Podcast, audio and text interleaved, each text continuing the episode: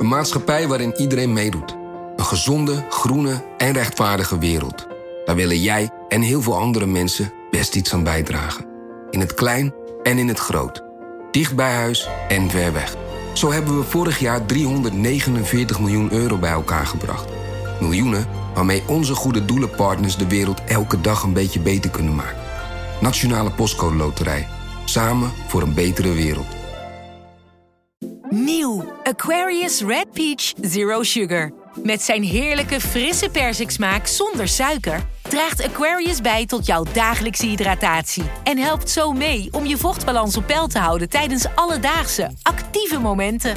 Thuis, op het werk of onderweg. Ook verkrijgbaar in smaken lemon en orange. Probeer hem nu.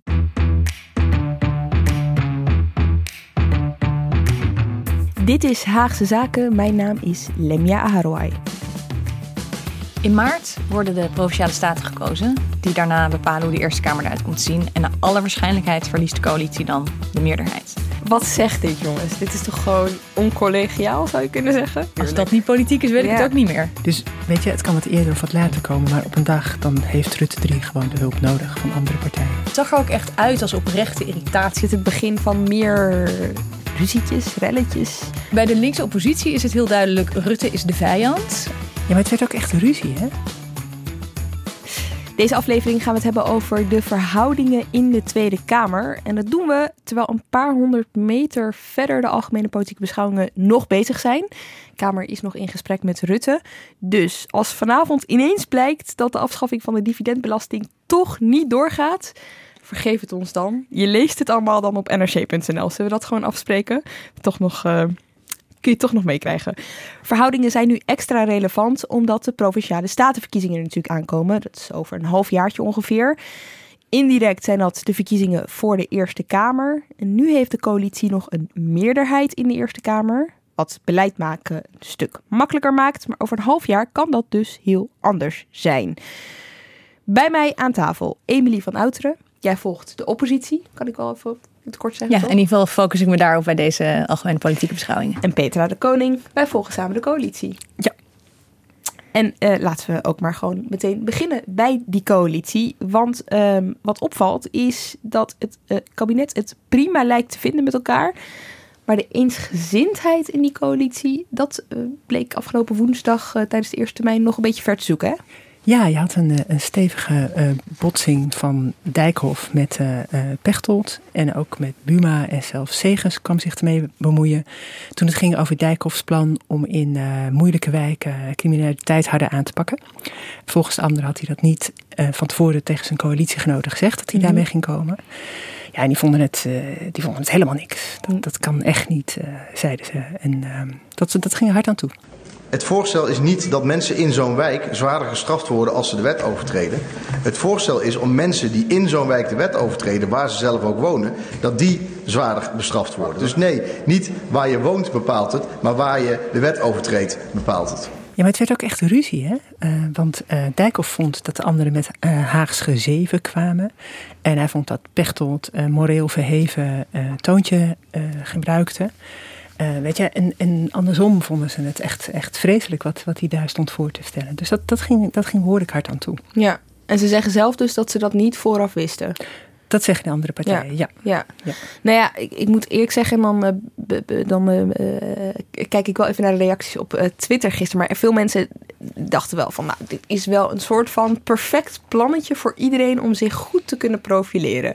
Dus Dijkhoff als eh hard recht, Pechtold kon weer zijn oude Pechtold naar boven halen. Hè, van degene die dit soort dingen toch echt niet vindt, vindt kunnen. Buma was een soort van midden, die koos voor een soort van middenweg. Ja, het was natuurlijk wel een beetje doorzichtig leek het bijna.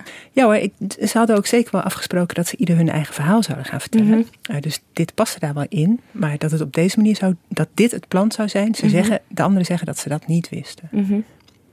En trouwens, dat Buma een middenweg koos, ik weet niet of.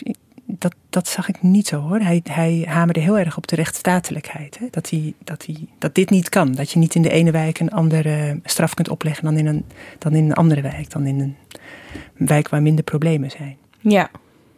Ja, de verdenking was natuurlijk heel snel. Dat is denk ik ook, zijn denk ik ook die reacties van... dit is een afleidingsmanoeuvre. Een afleidingsmanoeuvre om het niet over de dividendbelasting te hebben... om de oppositie weinig ruimte te geven. En dat, zo pakt het natuurlijk wel heel fijn uit. Uh, maar het is sowieso zo dat met vier coalitiepartijen... die sowieso hebben afgesproken dat ze het zoveel mogelijk publiekelijk met elkaar oneens gaan zijn, dat die ruimte voor de oppositie al beperkt is. En ja, dit was wel een heel lekker bommetje.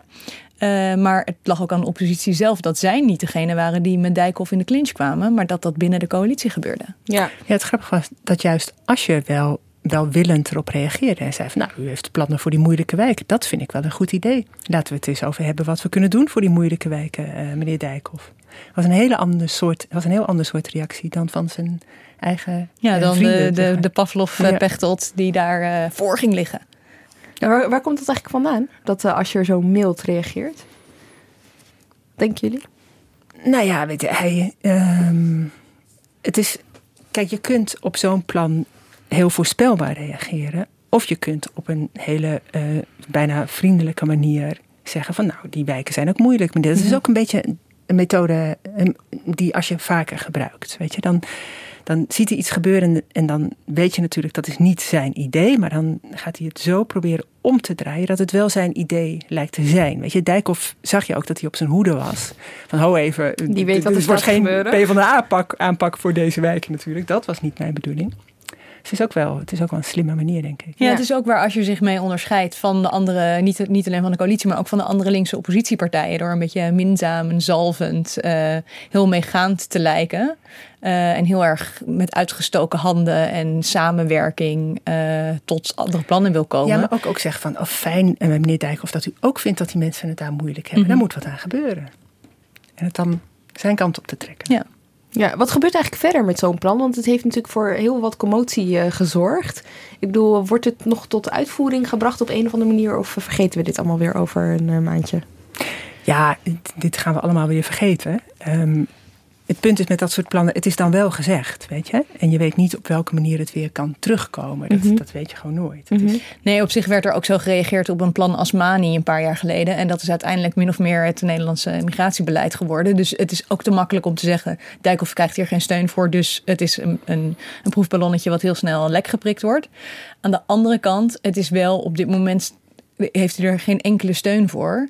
Uh, terwijl Wilders wordt verweten dat hij met idiote plannen komt. Terwijl hij weet dat hij daar de Kamer niet voor meekrijgt. Is wat Dijkhoff hier doet in feite niet zo heel anders. Mm-hmm. En hij zegt bezig te zijn met een nieuwe VVD. En nieuwe, uh, nieuwe plannen die de VVD uh, op, de, op de kaart zetten.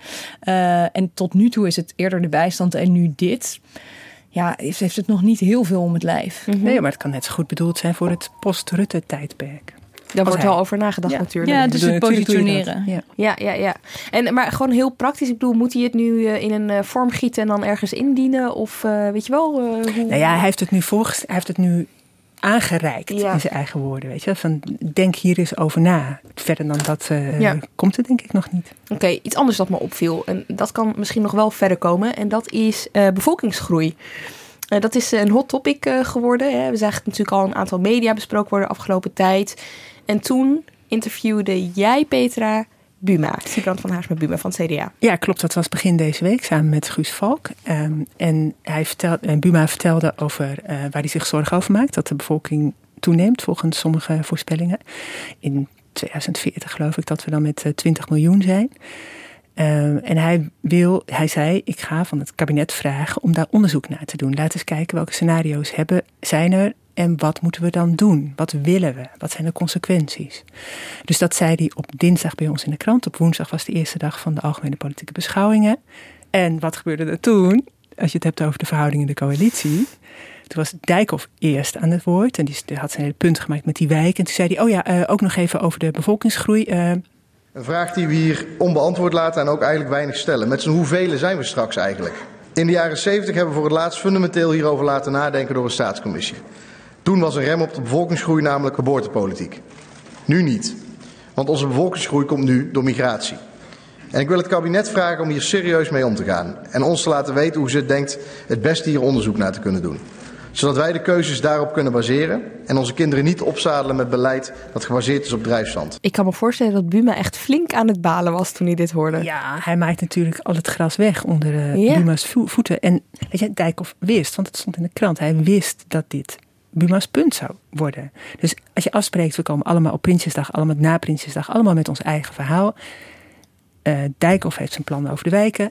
Buma gaat het hebben over de bevolkingsgroei en de migratie. En dan neem je dat gewoon mee. Wat zegt dit, jongens? Dit is toch gewoon oncollegiaal, zou je kunnen zeggen, als je mild bent? Nou ja, ja ik bedoel, het is natuurlijk wel een soort van streek. Ja. Zien zij elkaars verhaal van tevoren in? Nee, dat denk ik, dat lijkt. Dat kan nee, ze zeggen van niet. Nee. Opmerkelijk is dat, dat ze aan de oppositiekant bij de linkse drie uh, linkse partijen vrij open waren dat ze heel erg samenwerken bij mhm. deze algemene politieke beschouwingen. Uh, beweren alle coalitiepartijen dat ze dus niet van elkaars plannen wisten. Dat, dat ze uh, dus Buma niet wist dat Dijkhoff met mm postcode racisme zou komen. En dat Dijkhoff niet, niet wist, blijkbaar de kant niet had gelezen, dat Buma met, met zo'n plan voor een commissie om de bevolkingsgroei te onderzoeken zou komen. Ja. Is dat aannemelijk? Nou ja, als het in de krant heeft gestaan, is het natuurlijk niet aannemelijk dat ze dat niet van elkaar weten. Ja, precies. Ja. Nou ja, op zich ook wel interessant hoe het dan verder gaat. Want je zag even wel, volgens mij dachten ze bij het CDA wel van wat gebeurt ons nu? Uiteindelijk ging het verhaal van Buma ook voor een groot deel echt wel hierover. En het gaat vooral heel veel over de scenario's hè, van uh, wat nou als het 20, als, er, als we met z'n 20 miljoenen zijn. Ik vond het op zich wel interessant dat het CBS, uh, eh, hoofdeconoom daar Pieter Hein uh, van Mulligen, uh, nog twitterde. Ja, de kans dat we met 20 miljoen zijn is even groot als de kans dat we met 15 miljoen zijn in datzelfde jaar, jaartal, weet je wel. Maar daarom vragen ze ook om voor die beide ja. prognoses een scenario ja. te maken. Want ook bevolkingskrimp heeft grote consequenties. Uh, we hadden Paul Scheffer in de krant vrijdag. Die zegt ook, ja, als partijen die de grenzen willen sluiten... en daarmee ervoor zorgen dat de uh, bevolking krimpt... moeten ook aan hun kiezers gaan uitleggen... wat de consequenties daarvan zijn en of dat wel zo'n goed idee is. dus ze proberen, dat zegt Buma ook, we proberen een beetje uit de politiek te halen door deskundige onderzoek te laten doen naar scenario's. Mm -hmm. alleen dan ontkom je er natuurlijk niet aan om daar uiteindelijk wel politieke conclusies aan te verbinden. En wat Dijkhoff ook net in dat fragment zei, hij wil niet alleen kijken naar hele praktische dingen waar iedereen het wel over eens kan zijn, als wat is het effect op de woningmarkt, hoe moeten we bouwen, mobiliteit, vergrijzing, uh, werkgelegenheid. Maar hij wil het ook hebben over onze Nederlandse waarden. En dan maak je het vanzelf politiek ja, natuurlijk. als dat niet politiek is, weet ik het ook niet meer. Bij D66 zijn ze meteen zijn waarden of die van ons. Ja, ja, daar ga je al inderdaad. Dus er lijkt hier een Kamermeerderheid om dit... Um, om tot zo'n onderzoek te komen. Maar hoe ze, ik ben heel benieuwd hoe ze een onderzoeksvraag formuleren waar iedereen zich in kan vinden. Ja, maar dit krijgt in ieder geval dus wel een staartje, hè? want hier komt gewoon onderzoek naar in ieder geval. Ja, daar lijkt het wel eh, naar. Ja. En uh, uh, Paul Scheffer, die voor de Wetenschappelijke Raad voor Regeringsbeleid hierover geschreven heeft. En de oud-CBS-demograaf Jan Latte hebben allebei al gesolliciteerd voor de commissie. Dus, oh ja? Ja. nou, er zijn in ieder geval alvast twee, twee kandidaten die willen. Even, even wat dit. dit je kan ook zeggen, met een onderzoek stel je zo'n lastige discussie ook uit.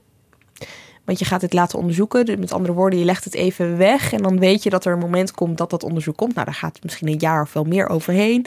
Ik heb even gekeken naar hoe dat zat in de jaren 70. Die nou. commissie waar Dijkhoff naar verwijst. Die is, die is volgens mij in, uit mijn hoofd 71, 72 opgericht. Die kwam uiteindelijk in 75 met een, met een rapport. En, en pas in 77 werd het onderzoek afgerond. Ja, in de tussentijd was de anticonceptiepil zo populair geworden dat dat hele onderzoek de prullenbak in kon. Dus ja, ik, ik hoop dat ze het iets sneller doen. Maar er is nu een staatscommissie bezig voor staatkundige vernieuwing ja. onder leiding van Johan Remkes. Nou, dat, dat voorstel werd volgens mij vier, vijf jaar in de Eerste Kamer voor, uh, voor het eerst geopperd. Die komen in december van dit jaar pas. Ja, we zijn twee Eerste Kamers verder voordat daar uh, resultaten van komen. Ja, ja, maar is het ook echt zo? Is het, weet je, is het ook echt zo dat ze die discussie dan weet je, over, de, uh, over een kabinet heen tillen? Of werkt het nou eenmaal zo dat het zo lang duurt? Nou ja, weet je, als er een onderzoek loopt, zal het ook wel vaker uh, aan de orde komen waarschijnlijk. Dan gaan ze het er wel vaker over hebben. Hm. En tot nu toe was het volgens mij geen thema. Ik weet niet nou ja, voor Wilders en Baudet natuurlijk ja. wel. Die, dan, die het dan hebben over omvolking. En we worden een minderheid ja. in ons eigen land. En dan uh, van de scenario's, van de prognoses die er liggen, de meest extreme nemen. Uh, en zeggen: kijk, uh, we, worden een, we, worden, uh, we worden een minderheid in ons eigen land. En door het echt te laten onderzoeken, kan je laten zien dat dat ja. in geen van de, de prognoses die er volgens mij zijn, een heel realistisch scenario is. Ehm, al is daar natuurlijk wel de vraag, ja, wat is dan, wat, wat, wat is dan een migrant? Is dat, geldt dat voor de eerste twee generaties? Of ehm, draag je dat iemand 28 generaties na? Dat, ja, vroeg Baudet zich al af in de eerste termijn van, uh, van de APB. Uh, we moeten het ook even hebben over Segers. Want wat me bij hem opviel. Nou, over één ding gaan we het straks hebben, namelijk zijn lofzang op de PvdA. Maar wat me ook opviel was dat hij niet werd geïnterrumpeerd door geen enkele andere partij. Ja, het is niet zeker dat je daar heel veel achter moet zoeken hoor. Het was ook, weet je, uh, aan het eind van de dag, begin van de avond. Iedereen was al een beetje moe en zo. Mhm. En de journaals waren voorbij, dat, dat speelt ook een rol. Um, dus ik weet niet zeker of het heel veel betekende. Wat denk jij, Emily? Nou, ik vind het wel opmerkelijk omdat je. Uh, had hem best een aantal vragen kunnen stellen. Bijvoorbeeld over de dividendbelasting of over het kinderpardon. Recent die Lilian Howick kwestie. Uh, de ChristenUnie draait lekker, doet het goed in peiling. Is eigenlijk de enige partij die, die tot hun eigen verbazing gelukkig lijkt in deze, in deze coalitie. Uh, en alleen met interrupties ontlok je iemand wat.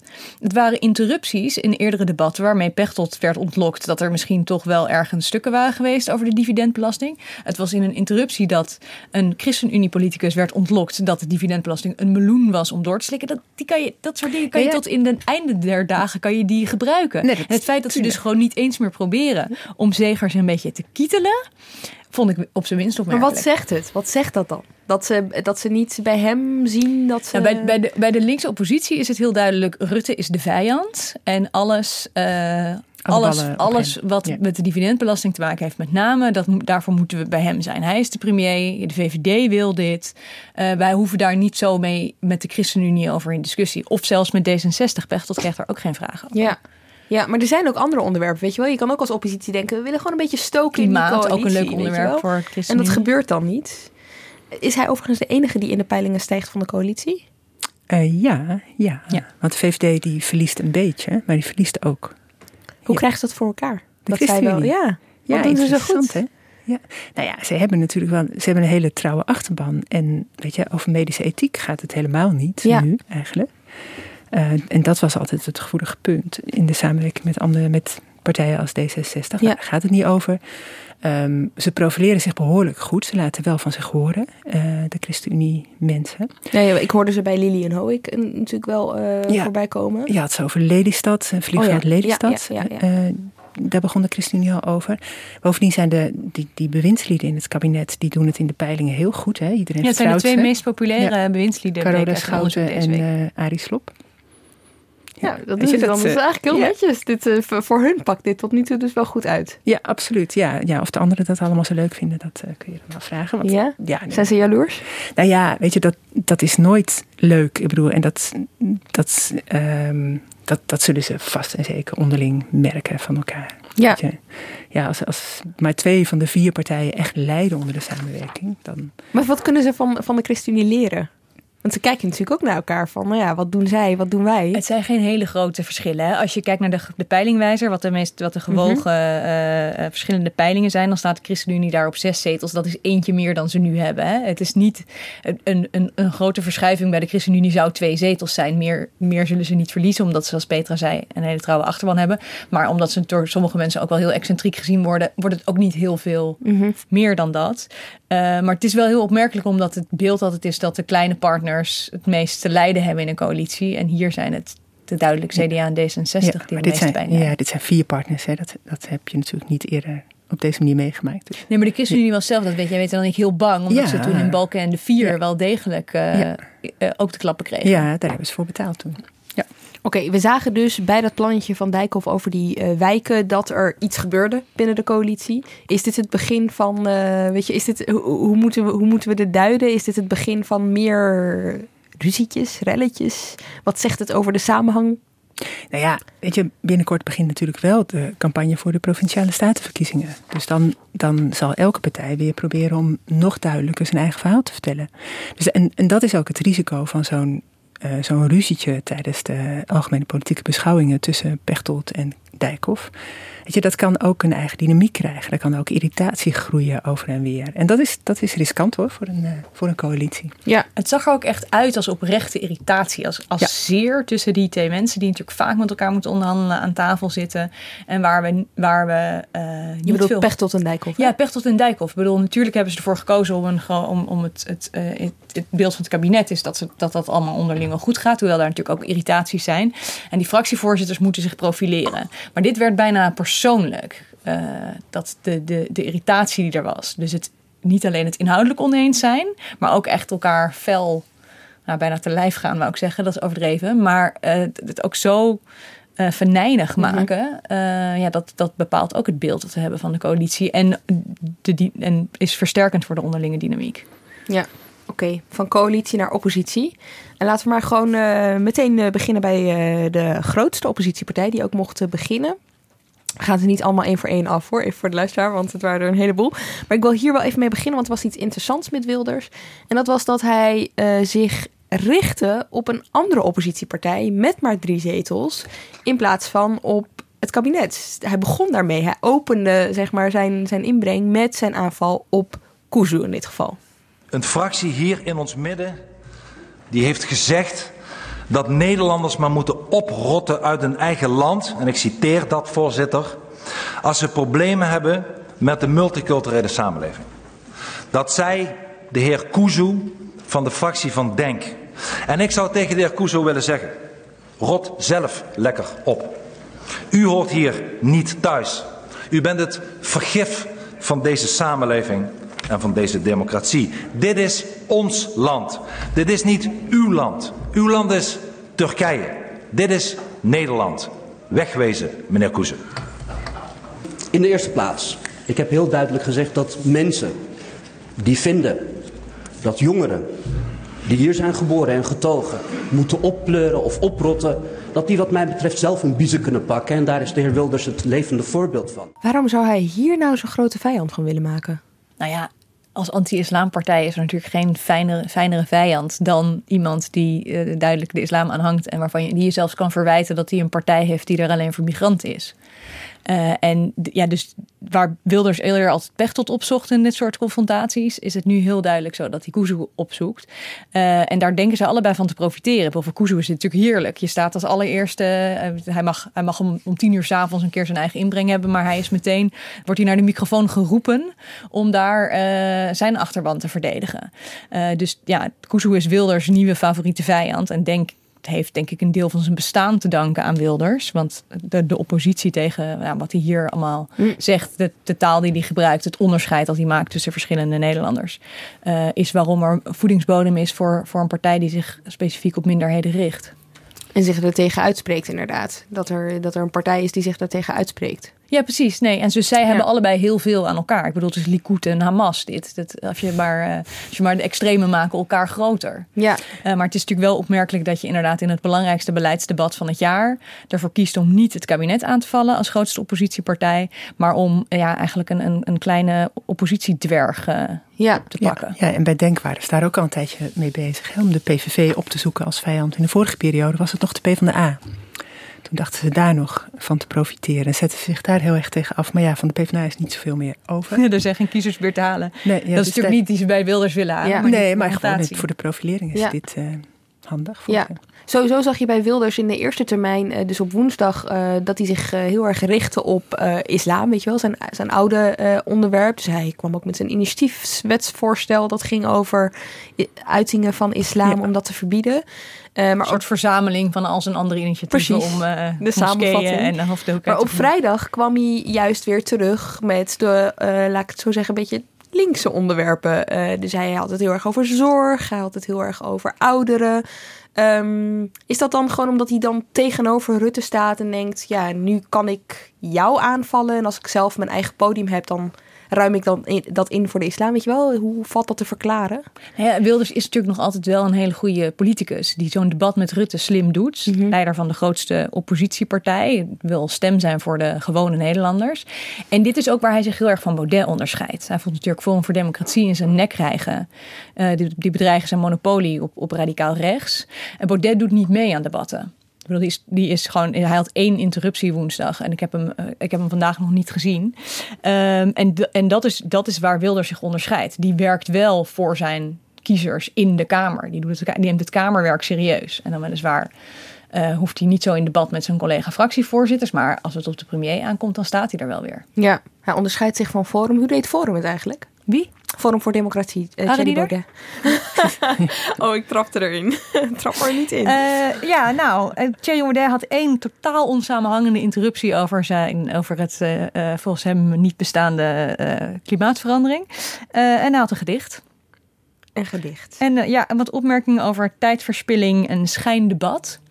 Uh, ja, die, dat zijn, hij, hij wil duidelijk niet in de Kamer zijn. Dat is ook een beetje een trucje natuurlijk. Mm hij ja, wordt er wel gewoon netjes voor betaald. Uh, maar debatteren is niet zijn ding. Nee. Hij is niet goed in interrupties. Hij is niet goed in debatteren. Ehm, dat heeft hij zelf ook wel toegegeven dat hij daar nog veel moet leren. Maar hij lijkt niet uh, training niet uh, als leerproces te zien, want hij oefent uh, in ieder geval niet in de kamer. Is dit een probleem voor hem? Of is het, weet je wel, het kan ook dat zijn achterban dat prima vindt. En dat ze ook allemaal denken van ja, nou ja, het debat dat daar wordt gevoerd is schijn. wat jij doet, Thierry Baudet, dat is het echte werk. Ik denk dat het nu uh, dat hij zich dit nu prima kan, kan permitteren. Mhm. Hij trekt kiezers die toch tegen het systeem zijn. En die denken dat hier alles al bekokstoofd is en dat je, dat je geen invloed hebt. En hij heeft natuurlijk ook geen invloed, want hij heeft twee zetels. Hij heeft het gewicht van goede peilingen achter zich, maar hij heeft hier maar twee zetels. Er zal mhm. nooit een initiatief van Forum voor Democratie hier een meerderheid halen en, en iets aan de richting van Nederland veranderen. Dus op dit moment kan hij dit, dat zich permitteren. Um, en dus de vraag is: zullen mensen die geneigd zijn om hem te stemmen daarover nadenken hoe die dat dan eventueel in een volgende periode ja. zal inrichten? Klopt, ja. Of is het iets waar vooral wij journalisten ons mee bezighouden en zijn achterban niet eens per se, hoe vaak hij bij die interruptiemicrofoon staat? Ja. SGP vind ik ook nog wel een interessante. Staat altijd bekend als de partij die uh, gedoogt. Vooral uh, de kabinetten Rutte tot nu toe. Kan ja, ja en, en uh, Rutte neemt Van der Staaij ook heel serieus. Hij luistert altijd heel goed en reageert altijd heel serieus en inhoudelijk op hem. Hoe deed hij het? Tijdens zijn. Uh, hoe deed Kees van der Staaij het? Voor, fractievoorzitter van SGP. Was hij, uh, was hij Kees van, is altijd, Kees van der Staaij is altijd de nar bij dit soort debatten. Die is gewoon, is gewoon een geestige man. En hij weet dat hij. Hij maakt een paar keer een punt voor één verdieners. En hij haalt een paar keer God aan. Maar verder is het vooral zo dat hij, dat hij leuk uit de hoek komt. Met, ja, hij is, uh, hij is vaak als laatste. En toch ja. weet hij de aandacht weer scherp ja, te stellen. Ja, hij weet vaak. Dan heeft hij gewoon. Dan komt hij met een compliment voor de VVD. Dat is blijkbaar niet alle plannetjes in de coalitie vooraf worden, worden voorgekookt. En dat soort, dat soort, dat soort opmerkingen, steekjes, daarmee, uh, uh, daarmee is hij aanwezig in het debat. Daarmee valt hij op, iedereen mag hem, iedereen lacht om hem. Maar het opmerkelijke is de opstelling van de SGP in de discussie over de dividendbelasting. Ze waren toch toen dit kabinet aantrad wel heel erg voornemens om dat te steunen. Mm -hmm. en nog steeds zitten ze een beetje op de wip. Ze hebben niet, Jesse Klaver is met een soort met een wetsvoorstel gekomen dat de dividendbelasting weer zou moeten herinvoeren nadat die mm -hmm. is, uh, is afgeschaft. Um, ja, en de SGP zit, zit op de wip. Over de uh, dividendbelasting. Um, daar had de SGP anders dan eigenlijk de andere, veel andere partijen niet gelijk van gezegd dat kan niet en dat fout en dat deugt niet. Wij stonden daar open in. Um, wilde de argumenten nadrukkelijk horen. Uh, het is waar wat de minister-president zegt. Soms moet je impopulaire maatregelen nemen. Maar ik moet u wel eerlijk zeggen dat we hebben het goed gevolgd, de discussie. En voor ons gevoel zijn de argumenten dunner geworden. En uh, is de maatregel zelf juist duurder geworden. Dus dat is wel een wat ongelukkige mix. Dit zei Kees van der Staaij dus op vrijdag, vandaag dus. Uh, maar hij zei nog iets interessants. Wij zaten op de tribune, Petra, en jou viel nog iets op. Ja, hij, hij vroeg dus naar die argumenten. En Rutte hè, zoals hij altijd op Van der Staaien reageert. Hij ging dat opnieuw eens heel rustig en inhoudelijk uitleggen. En toen zei Van der Staaien, ja, ik vind de argumenten helder, maar niet overtuigend. En dat was wel vrij dodelijk. Ik moet wel zeggen dat ik de argumenten helder vind van de minister-president, maar niet overtuigend als het gaat om um, zo'n groot bedrag. Wat zegt dit? Nou, uh, het zegt dat uh, het kabinet het met die dividendbelasting toch wel echt heel erg moeilijk gaat krijgen, denk ik. Als ze dan de hele oppositie tegen zich hebben. Ja, want die hebben nu een uh, de initiatiefwetsvoorstel ja. voor een herstelwet van uh, Klaver, ja. van GroenLinks, ondertekend. Ja, nou ja, de SGP nog niet. Maar ik bedoel, zoals het nu erop lijkt, is de SGP dus ook tegen. Mm -hmm. uh, en dan in de coalitie hebben D66 en de ChristenUnie ook al heel duidelijk gemaakt dat het hun maatregel absoluut niet is. Mm dus senatoren zijn niet gebonden aan het regeerakkoord. Maar er zijn er twee partijen die dit, die dit uh, graag willen. En dan vooral de VVD, maar Buma steunt het van harte. Dat, dat betekent wel, uh, nou, dat, het uh, moeilijk wordt. Dat lijkt mij wel, ja. Hoe, hoe ga je dat door? Maar dit is toch een uh, old school catch-22, want voor Rutte dan, hè? Want hij heeft het zo fel verdedigd. Ik kan me bijna niet voorstellen dat hij nu gaat zeggen: Jongens, ik zag het al die tijd verkeerd. Ik ga, het, ik ga het toch niet doen. Nou ja, hij heeft natuurlijk al wel gezegd dat je het ook een bizarre maatregel kunt noemen. Um, en dat ze het natuurlijk niet voor de lol doen. En, uh, weet je, en hij, hij zei uh, deze vrijdag ook weer: uh, Ja, je kunt er ook tegen zijn. Ja. Je, het is... ja, maar omdat hij het zelf zo vastklinkt aan um, economie in Nederland, weet je wel, en aan vestigingsklimaat. Dus hij maakt dat zelf. Hij, dat verband heeft hij heel vaak herhaald. En als je dan toch niet doet, dan ja, ondermijn ja, je ook je eigen. Zeker. Ja, nou ja, en wanneer doe je het dan niet? Ik bedoel, in oktober besluit Unilever definitief of het hoofdkantoor naar Nederland komt. Als je nu nog zou zeggen, oh nee, toch maar niet. Of zelfs daarna nog zou zeggen, oh nee, toch maar niet. Dan ben je natuurlijk totaal onbetrouwbaar. Maar als je het niet door de Eerste Kamer heen krijgt, is dat Nee, nee, als je het niet door de Eerste Kamer, dan is het niet je eigen oh, ja. schuld. Ik bedoel, dan, daar, ik bedoel de, de, als, als, er een, als er een senator graag een nacht naar zich vernoemd wil hebben, dan gaat hij hiervoor liggen uh, vlak voor de kerst. Um, en er zijn natuurlijk senatoren die hier heel erg tegen zijn. En ook senatoren die misschien door hun partij richting de uitgang uh, gebonjourd worden uh, ja. voor de volgende verkiezingen. Want in dus december dat, gaat het door de Eerste Kamer. Het belastingplan waar dit onderdeel van uitmaakt, ja. is altijd vlak voor de kerst uh, wordt dat in de Eerste Kamer behandeld. Dus dat risico is er. Nee, maar de, we hadden het er eerder in het voorjaar was er ook wel speculatie dat Rutte uiteindelijk zelf wel zou inzien dat hij niet aan deze maatregel kon vasthouden. En ik heb de indruk dat dat na de laatste begrotingsonderhandelingen, waar hij zich er zo inderdaad in vastgebeten heeft, dat dat die mogelijkheid kleiner is geworden. Ja, ik weet het. Ik, ik ben er niet helemaal zeker van. Ik sluit niet uit dat ze er misschien toch nog gewoon zelf van terugkomen. Maar we gaan het zien. Wauw, ja, dat we het hier al over hebben. Dus dat er al twijfels aan het ontstaan zijn of het überhaupt doorgaat. Uh, we hadden het in uh, aflevering uh, 38 van de seizoen 2 over de dividendbelasting. En toen lagen de kaarten echt nog wel heel anders hoor. Toen was het een soort van: het gaat gebeuren, wat is die dividendbelasting nou eigenlijk? Dat is zo, maar is, wat er ook natuurlijk wel fundamenteel veranderd is, is dat die maatregel duurder is geworden. Toen, toen dit kabinet aantrad, was de inschatting dat het 1,4 miljard zou kosten om hem af te schaffen. Dat werd toen 1,6, toen werd het 1,9. Nu zijn er schattingen van 2,5. En zoals in het debat ook wel naar voren kwam, ja, als de mensen in, die in de jeugdzorg werken zeggen we zijn hier tekorten, dan lost het kabinet het niet op. En als er opeens een, een enorm, een, nou, als de dividendbelasting afschaffen opeens een miljard duurder wordt, dan heeft het kabinet dat geld wel. Dus ja, het wordt gewoon voor zover het niet al heel ingewikkeld was, steeds moeilijker om uit te leggen. Ja. Er, is, er is gewoon veel maatschappelijke weerstand tegen alle, alle peilingen laten zien dat een hele grote meerderheid van de bevolking dit niet wil. Uh, en ook zeker de achterbannen van ChristenUnie, D66 en CDA dit niet willen. Ja, en de linkse oppositie dus ook niet bruggetje naar hoe de linkse oppositie uh, verdeeld is. Of het eigenlijk ook uh, deed. Um, even verwachtingen versus uitkomst over de dividendbelasting gesproken. Ik had verwacht op woensdag dat er een soort van geregisseerde blok, links blok zou zijn dat heel slim over de dividendbelasting zou gaan praten. Maar eigenlijk viel het me heel erg mee. Of tegen, het is maar net hoe je het ja, uh, ziet. Maar, je bekijkt.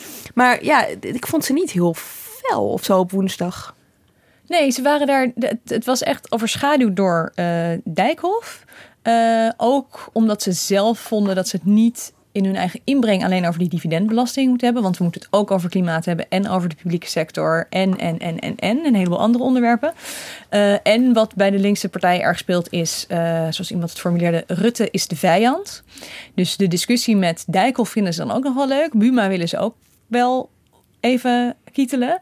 Maar nou ja, het bleek dus al wel dat met Pechtold en, dat Pechtold en Zegers hier niet eens over geïnterrumpeerd werden. Ja.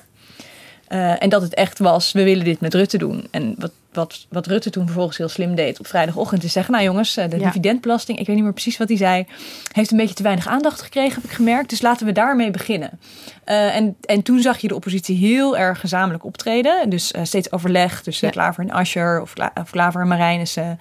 Um, dat noemen ze dan treintjes maken. Dus dat je zorgt dat je uh, op een onderwerp, als, als iemand een beetje beet heeft, dat, dat je door kan gaan en dat niet dan een andere oppositie uh, voorman die dan aan de beurt is zegt... oh ja, nu ik u toch spreek, kunnen we het even over de pensioenen hebben. Dat je echt blijft bij het onderwerp. Klopt, ik hoorde Klaver één keer zeggen... om even voor te beduren op wat Marijnissen net zei. Ja, dat doen ze dus heel duidelijk. En daar proberen ze ook Kuzu en Tieme en, en Krol nog wel een beetje bij te betrekken. Dat die niet opeens uh, het zijpad van de bio-industrie inwandelen.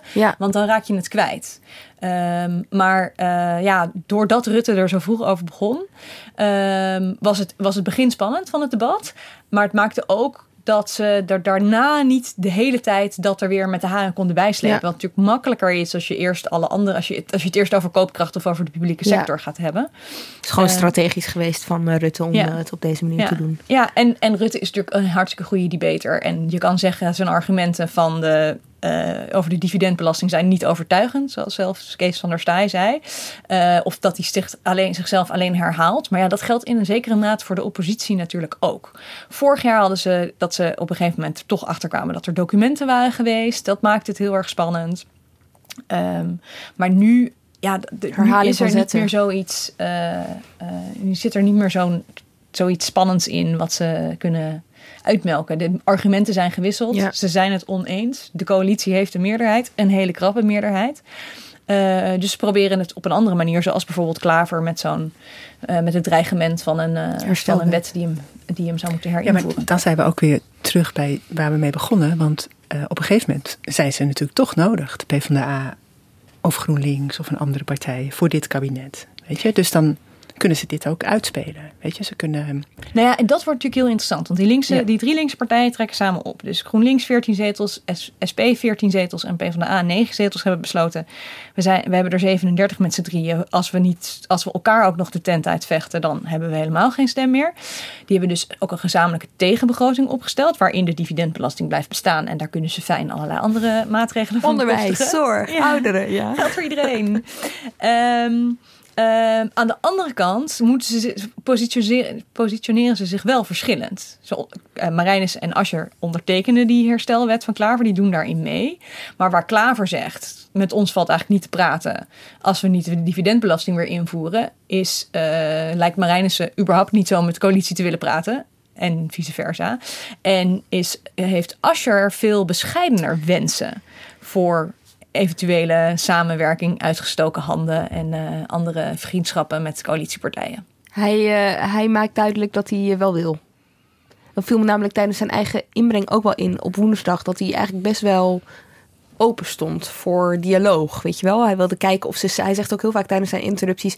Kunnen we niet kijken of we daar samen, dat ging bijvoorbeeld over onderwijs, of we daar samen iets aan kunnen veranderen? Weet je wel? Dat is natuurlijk heel interessant dat hij zich plaatst naast de coalitie. Ja, maar vandaag vond ik hem wel weer behoorlijk dreigend hoor, toen het over de dividendbelasting ging. Weet je, het waren echt wel grote woorden. Uh, u staat op een kruispunt, uh, meneer Rutte. Uh, u kunt nog de juiste afslag nemen. Nou ja, wat als hij dat niet doet, weet je? Wat gebeurt er dan? Werk je dan niet meer met hem samen? is er dan niks meer over van die bereidwilligheid? Ja, het is altijd een rotwoord, maar SP en de PvdA hebben nog niet gezegd of het een breekpunt voor ze is, hè, die dividendbelasting. Nee, overigens is bij dat, dat bij GroenLinks ook niet zo dat ze... Uh, iemand noemde het voorbeeld van de experimenten met de wietwet. Dat ze als, ze als de dividendbelasting niet van tafel gaat... dat ze dan niet meer het kabinet zullen steunen op initiatieven waar ze sowieso voor zijn. Wat mhm. voor GroenLinks natuurlijk ook spannend is. Stel dat dit uh, stel dat dit kabinet valt, heeft dat consequenties voor de klimaatwet bijvoorbeeld. Die GroenLinks van GroenLinks en PvdA was, waar ze alle coalitiepartijen bij hebben getrokken. Als, je, als GroenLinks op een of andere manier medeschuldig wordt gevonden aan, uh, aan de val van een kabinet, kan zou je ook kunnen zien dat in een nieuwe Kamer dat soort dingen gaan schuiven. Dus ze, eh, die partij heeft er ook wel belang bij dat het niet helemaal uh, ja, de PvdA escaleert hier. Ja, de, de Partij van de Arbeid zeker ook. Ja, die is nog lang niet toe aan verkiezingen natuurlijk. Nee, nee. nee. Nee. Maar die experimenten in de, uh, van, met de wietteelt, dat is juist weer een, een punt voor de SGP natuurlijk. Als, je, als het kabinet de SGP nodig gaat hebben, dan uh, zullen ze dat van tafel willen hebben. Dan zal Kees van der Staaij op de achterbank van uh, Rutte's auto ja. bedingen. Nou ja, dat is natuurlijk, ik bedoel, dat we gaan ervan uit dat in maart uh, de coalitie zijn meerderheid verliest. Ik heb even de, de, de, peiling in, in, in, de Eerste Kamer. Ik heb de peilingwijzer even nageslagen. En daar, daar, uh, die moet je wel met een korreltje zout nemen. Dat peilingen altijd gaan over Tweede Kamer. Tweede Kamerverkiezing met een hoge opkomst. Uh, eerst provinciale staten hebben veel lagere opkomst. Een secundaire verkiezing waarbij CDA en ChristenUnie bijvoorbeeld traditioneel beter doen dan de PVV en GroenLinks. Maar als je dan gaat tellen, dan is nu de meerderheid van de vier coalitiepartijen één zetel. Ze hebben er 38 van de 75. Volgens die peilingen zouden ze er daarvan 31 overhouden. Met de SGP 32. Met de SGP en de PvdA 36,5. Dus dan ben je er nog niet eens. Um, en je merkt een half? Ja, sorry. Uh, dat is omdat de uh, Tweede Kamer twee keer zoveel zetels heeft. Dus 36 a 37. Ja, okay, yeah. uh, maar in ieder geval geen 38, volgens de peilingen. Zetels met de, met de Partij van de Arbeid. Dus ze, je ziet heel erg dat ze proberen Ascher te complimenteren met alles wat hij doet. Al zijn plannen heel serieus te bekijken. Um, maar ja, dat kunnen ze doen. Maar daar hebben ze nog geen meerderheid mee. Ja. En, ik, en de rol van de SGP is natuurlijk belangrijk. Maar die zaten in, in Rutte 1 hadden ze de cruciale zetel. En daar kon de SGP dus uh, een, allerlei medisch-ethische zaken on hold zetten. Maar in Rutte 2 zag je al dat ze met D66 moesten samenwerken. En dat er daardoor eigenlijk alleen maar op financiële zaken akkoorden werden gesloten. Ja, de SGP wil natuurlijk wel iets terug voor hun, uh, voor hun steun. Het is niet zo van uh, we helpen je en uh, ik hoef er eigenlijk helemaal niks voor terug. Nee, nee zeker. Alle, al, ja, alle partijen wel. willen, willen er iets voor terug. Ja. Um, maar nou ja, als je dat medisch-ethische neemt, bijvoorbeeld, als je probeerde gisteren de VVD te verleiden om toch heel erg voor de abortuspeel bij de huisarts te zijn. Ja. iets waar in het regeerakkoord geen duidelijke afspraak over gemaakt is. Uh, en waarvan de PvdA zei, nou dan kunt u daar dus wel, dan kunt u daar dus wel een vrije kwestie van maken. Uh, toen zei uh, Klaas Dijkhoff, nee, oh, ik heb wel rekening te houden met mijn coalitiegenoten. Dat gaan we, dat gaan we niet doen. Want de ChristenUnie ziet dat natuurlijk totaal niet zitten. Ja. Dus ja, je kan zeggen de PvdA wil iets als voor gedoogsteun. De SGP wil iets, maar op dit soort dossiers komen ze daar dus nooit uit. En zal, daar zal dan de afspraak in het regeerakkoord, neem ik aan, leidend blijven. Ja, we hebben het over de afspraak om het regeerakkoord in dit geval. We hebben het over toenadering gehad hè, van de coalitie aan, uh, aan de PvdA. Er was er één, eentje, dat was echt wel heel erg doorzichtig. Of niet, dat mogen jullie me vertellen. Maar dat was het begin van Segers in zijn. Uh, dus uh, daar begon hij eigenlijk mee in zijn inbreng. Even luisteren. Mevrouw de voorzitter, het economisch herstel heeft vele vaders. Als coalitiepartij en als lid van de voormalige constructieve drie tel ik uiteraard mijn zegeningen. Maar een partij die hier ook met ere genoemd moet worden, is de Partij van de Arbeid. Het is deze partij die vijf jaar lang de verantwoordelijkheid voor het overwinnen van de economische crisis heeft gevoeld en die verantwoordelijkheid ook heeft genomen. En bij alle verschillen van opvattingen die er zijn en blijven, past ook gewoon de erkenning daarvan. Dank. Dit is een lofzang op de PvdA door de ChristenUnie. Ja, enorm. Pechtold had in, uh, in, zijn inbreng ook, zei hij ook iets aardigs over de PvdA, wat op hetzelfde neerkwam. Daarna clashte hij wel heel hard hoor met uh, uh, Ascher. Maar het was, ik denk wel dat het afgesproken werk was. We gaan ja. aarde afgesproken werk is. We gaan de komende tijd vriendelijk zijn voor de PvdA. Aan het begin van de week uh, was er ook een persgesprek met journalisten, met Rutte. En toen ging hij ook nog zeggen dat, dat de PvdA echt geen partij van potverterers is. En dat was uh, allemaal, allemaal mooie woorden ja. over de PvdA. Goede onderhandelingspositie voor de PvdA, want die zijn natuurlijk ook niet op hun achterhoofd gevallen. Die weten natuurlijk ook dat ze nodig zijn. Ja, zeker. Maar dat weten ze. En dat, uh, daar, daar wordt natuurlijk ook al over gepraat. Maar de PvdA wil wel uh, hoor ik, uh, gewoon aan tafel worden ge gevraagd. Weet je, die willen wel serieus genomen worden en die willen dat er wordt onderhandeld. Weet je, dat er, dat, dat er dan een duidelijk, dat dan duidelijk is wat ze krijgen, ja. wat ze geven. Ja. Ja, want hoe moet ik het zien? Die verkiezingen komen er natuurlijk aan. Hè? Dan, dan wordt de nieuwe Eerste Kamer geïnstalleerd. Wordt het dan weer zo'n periode van allemaal akkoordjes? Weet je wel, we hebben natuurlijk uh, lenteakkoorden gehad en herfstakkoorden. Is dat dan hoe het vaak opgelost wordt? Nou, wat bij die akkoorden heel erg speelde, was dat er bezuinigd moest worden. En dat partijen zich daar verantwoordelijk voor voelden. Dus D66, ChristenUnie en SGP, die dachten, ja, we kunnen niet weer... Want Rutte 1 was gevallen en daar, daarna kwam, dat, kwam een lenteakkoord om de financiën op orde te krijgen. Ja. We kunnen niet weer hebben dat er een kabinet valt en dat we dus dan pleisters gaan plakken. We moeten nu gezamenlijk de verantwoordelijkheid nemen om die, mm -hmm. om die overheidsfinanciën weer op peil te krijgen. Dat is nu natuurlijk ingewikkelder. Die noodzaak is er nu niet. Um, coalitiepartijen profileren zich dat ze dan de dividendbelasting terug willen, wat me, als je het haalt, een hele ingewikkelde uh, constructie lijkt. Dus ik voorzie niet dat er een, een, een, een of ander gedoogakkoord met een vaste, met vaste Ja. eh, gedoogpartners komt voor zeg maar, het regeerakkoord of, of amendementen daarop. Meer Maar- flexibele kleine... Ja, maar je zal wel, er zijn natuurlijk allerlei maatregelen die nu ge- genomen moeten worden op het gebied van klimaat. Of als dat pensioenakkoord komt, wetgeving die daaruit voortkomt, die allemaal niet dit jaar behandeld zal worden. Dus die dan in, in 2019 met een nieuwe Eerste Kamer behandeld moet worden. Ja, als, als oppositiepartijen daar dan nog iets op kunnen binnenhalen, dan, dan kan je Ja. daar wel akkoordjes eh, Ja. eh, over krijgen. En in ieder geval, als we met journalisten praten, is iedereen daar ook wel optimistisch over. Het is ons altijd gelukt, dus het zal ons weer lukken. Ja. Ehm, vraag is alleen wanneer eh, het voor partijen beter is om het kabinet in het zadel te houden, omdat ze geen verkiezingen willen met, met, met peilingen zoals ze zijn. En wanneer partijen denken, ja, doe toch maar wel nu. Ja. Want, want dan heb ik er misschien iets aan. Ja, en het blijft natuurlijk ook allemaal mensen. Wat ik zit nu te denken. We hebben het steeds over de PvdA. GroenLinks heeft natuurlijk meer zetels. Zou ze beter kunnen helpen. Maar ja, eh, Peter, ik las, ik, nog, ik las in dat interview met Buma eh, door eh, jullie... dat hij iets heel opmerkelijks deed met GroenLinks. Hij zette ze eigenlijk op één lijn met de PVV... waar hij nog steeds heel boos op is sinds 2010... toen ze wegliepen hè, met die gedoogconstructie. Hij zette Jesse Klaver, omdat hij wegliep tijdens de formatie... in zijn ogen op één lijn met wat er toen met de PVV gebeurde. Met andere woorden, is dit een soort van clash die nooit meer goed komt? En wat betekent dat dan voor steunvragen van GroenLinks? Ja, ja, zo presenteert Buma dat wel. Hè. Hij zei, ik ben twee keer beluisterd in mijn leven. één keer door eh, Geert Wilders, één keer door Jesse Klaver. Dat is heel hard en dat, hij blijft dat maar zeggen. Hij Mhm. zegt dat waar hij maar kan. Ehm, dus ja, het, het, het lijkt er heel erg op dat Buma in elk geval eh, dat niet ziet zitten met GroenLinks. Hij Ja. zocht ook heel duidelijk de confrontatie met Klaver in, de, in het debat woensdag Ja. daarover. Ja, oh ja, dat ging over de verantwoordelijkheidsvakantie. Dat zei eh, Klaver toen eh, tegen Buma inderdaad. Dan moet het niet zo aan de kant staan roepen, morele ondergrenzen benoemen, daar niks mee doen en gewoon via een beetje aan de kant ruzie zoeken met iedereen. De heer Klaver.